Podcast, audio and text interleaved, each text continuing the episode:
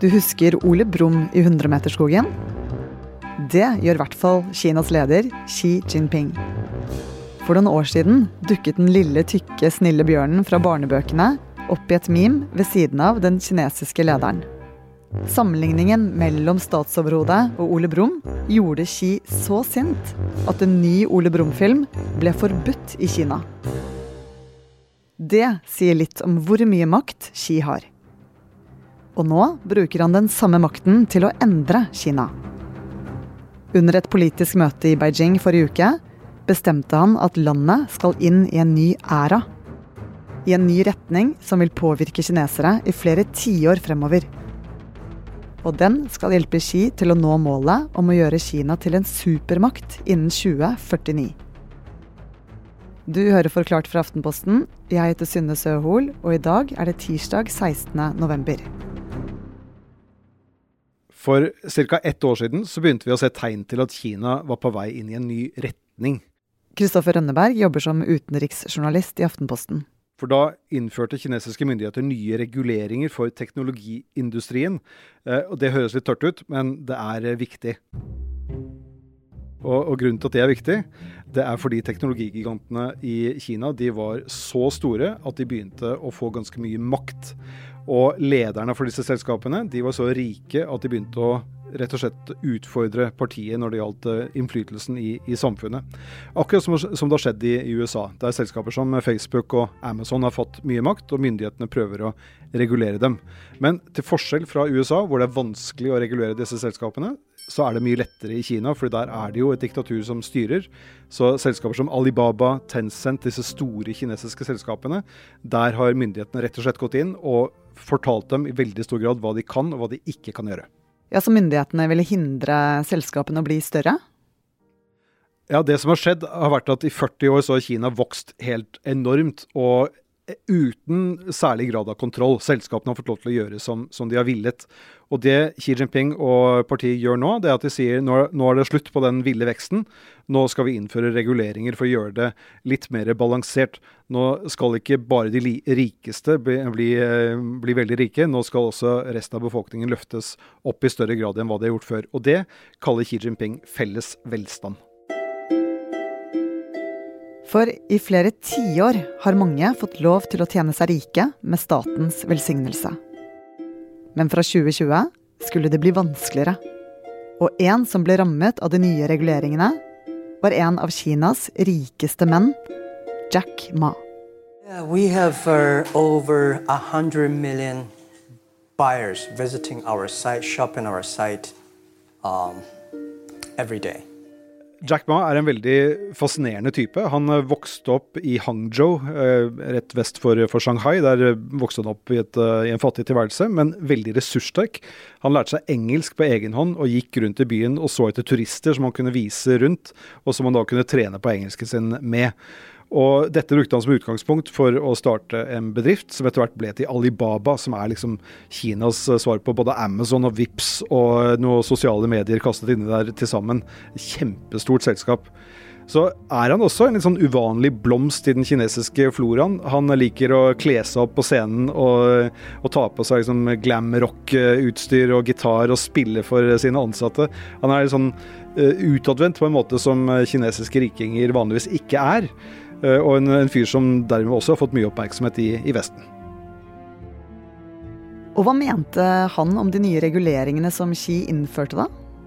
Jack Ma han har alltid vært flink til å holde seg inne med makthaverne, og det er kanskje en av hovedårsakene til at han har blitt så rik og stor som han har blitt. Men i oktober i fjor så glapp det rett og slett litt for ham. Allerede den gangen så hadde myndighetene begynt å stramme inn på tech-gigantene, og Ma han syntes ikke noe særlig om akkurat det. Så på en konferanse i, i, oktober i fjor, der satt det flere partiledere på første rad, og Jack Ma sto på scenen og holdt en tirade hvor han kritiserte myndighetenes reguleringer. Fordi han mente at disse reguleringene de gjorde det vanskeligere for Alibaba og andre selskaper å være innovative. Og For å understreke det poenget, så siterte han partileder Xi Jinping ved å si 'suksess trenger ikke komme fra meg'. Hva mente han med det, egentlig? Det er jo ikke godt å si, men det, det kunne i hvert fall tolkes som at uh, det var mulig å være vellykket uten at partiet var en del av det. Og det er selvfølgelig risikabelt å si i et ettpartiland som Kina. Og hvordan reagerte Xi på dette her? Xi Jinping skal ha blitt rasende da han hørte om dette. her. Uh, ifølge kilder som Wall Street Journal snakket med rett etterpå, så grep han personlig inn i denne saken her. Og det fikk veldig store konsekvenser, fordi noen dager senere så skulle Jack Ma gjennomføre tidenes største børsnotering for uh, selskapet Ant Group, som eier Alibaba og alle disse andre selskapene. Og denne børsnoteringen den ble rett og slett avlyst pga. Av Jack Maas uh, lille tirade. Uh, så, og det var jo faktisk ikke den eneste straffen som Jack Ma fikk heller. De 20 minuttene Jack Ma sto på scenen og kritiserte myndighetene, skulle vise seg å bli 20 svært dyre minutter. For samtidig som myndighetene stanser børsnoteringen av selskapet hans, så forsvinner han.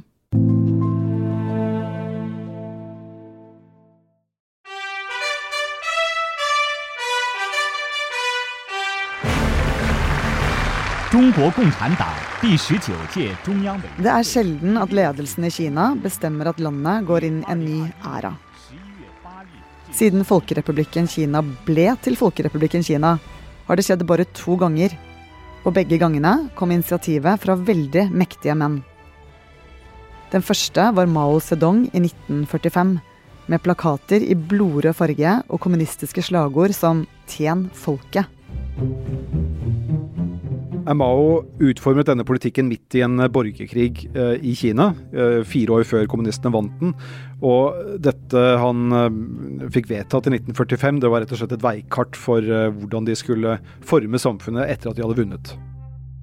Det var en videreutvikling av marxismen og leninismen, som da ble formet etter Maos ønsker, hvor man skulle ha en sterk kinesisk stat med en sterk mann i midten, nemlig ham. Og siden da har det vært én mann til som bestemte retningen for landet, nemlig Deng Xiaoping. Hva slags strategi var det han eh, lanserte?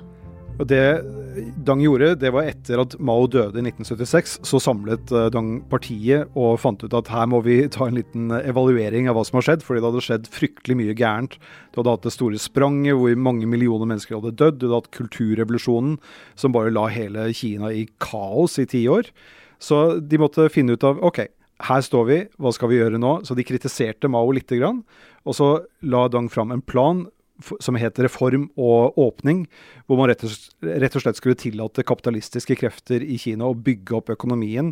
Og det har jo vært en vanvittig suksess.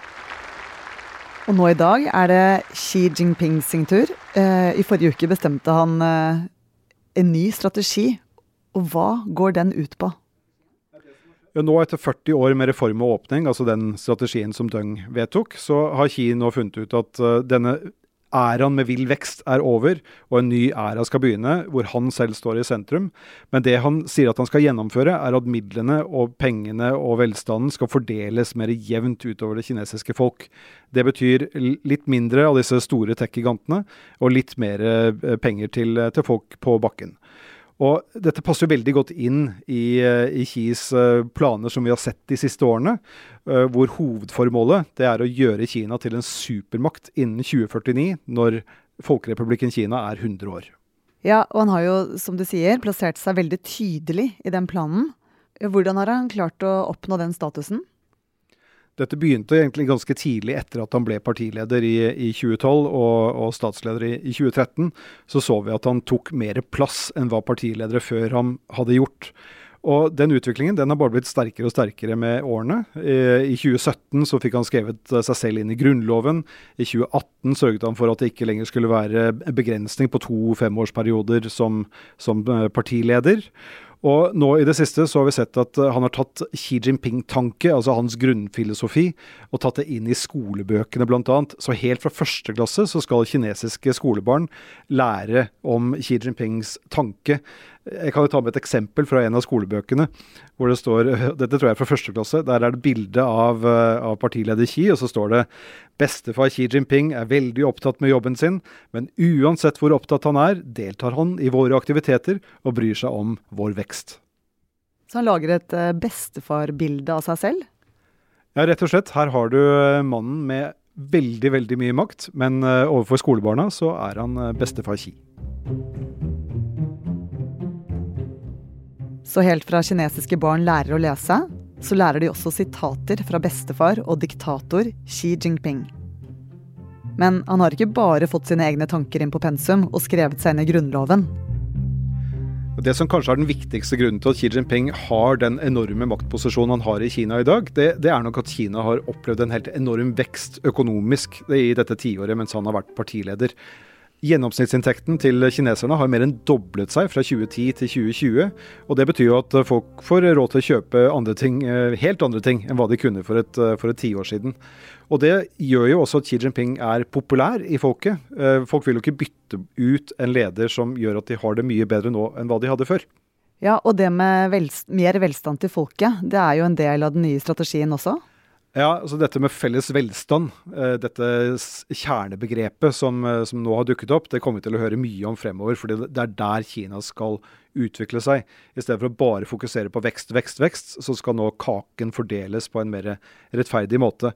Og det gjør nok ikke Xi Jinping og partiet bare fordi de har eh, folk flest i tankene, slik som politikere har i, i, mange andre land også, men også selvfølgelig om å sikre partiets legitimitet og makt. Fordi hvis man ikke opplever at man får det bedre, eller hvis man opplever at forskjellene blir for store, så øker jo misnøyen i folket, og det kan selvfølgelig bli et stort problem for partiet på sikt. Så å holde folket fornøyd er én viktig del av det å holde på makten og kontrollen i landet. En annen er at hvis det først skulle være noen som kritiserer myndighetene, sånn som Jack Ma gjorde, så er det greit å kunne bruke dem som et eksempel. Vi vet jo faktisk ikke hva som skjedde med Jack Ma etter denne tiraden han holdt i oktober i fjor, men han var borte i tre måneder. Ingen visste hvor han var eller hva han eh, foretok seg. Sannsynligvis så satt han i husarrest et eller annet sted, helt til han lovet bot og bedring til partiledelsen. For han dukket opp igjen i januar uten glamrock-kostyme og, og gitar. Han holder en veldig veldig lav profil nå. Det hender at man ser bilder av ham her og der. Men han er ikke den samme typen som han, som han var før. Så hvis han var premieeksempelet på den forrige æraen, som handlet om vekst, vekst, vekst, så er han kanskje også et godt eksempel på denne nye æraen, hvor tech-gigantene skal følge reguleringene og reglene fra myndighetene og gjøre sånn som Xi Jinping bestemmer. Ja, ja, hva, hva, gjør eh, Jack Ma nå som annerledes? Ja, Han har bl.a. Eh, gått med på å gi en del penger tilbake til, eh, til, samfunnet, til sosiale formål. Og Det er ikke bare han som gjør det. Sjefen fra Tencent har gjort det samme. Gitt milliarder av kroner til sosiale formål. Og det er jo en del av dette konseptet felles velstand som Xi Jinping har bygget opp. Så til slutt, da. Hva betyr denne nye strategien? Kommer Kina til å få bli den supermakten som Xi har satt seg som mål? Um, Kina er jo verdens mest folkerike stat, og det er verdens nest største økonomi, så det skulle bare mangle at ikke Kina tar ganske mye plass på den globale arenaen. Og Så får vi se hvordan det fungerer opp mot USA, som jo er den eksisterende supermakten, om det går an å vokse uten at, uh, uten at det blir gnisninger og konflikter av det. Og så er spørsmålet hva slags styresett Kina skal ha i 2049, eh, som er det store året for dem. Om de fortsatt skal være et diktatur, eller om det kommer til å tvinge fram noen eh, demokratiske eh, reformer etter hvert. Foreløpig er det ingenting som tyder på det. Disse siste tingene vi har sett fra Xi Jinping, de går jo faktisk, faktisk rett og slett i motsatt retning.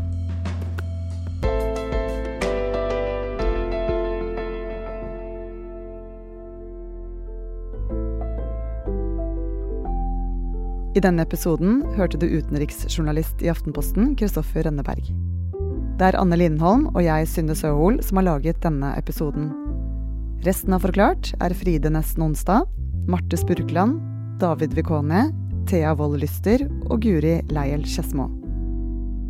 Lyden du hørte, er fra World Economic Forum og AP.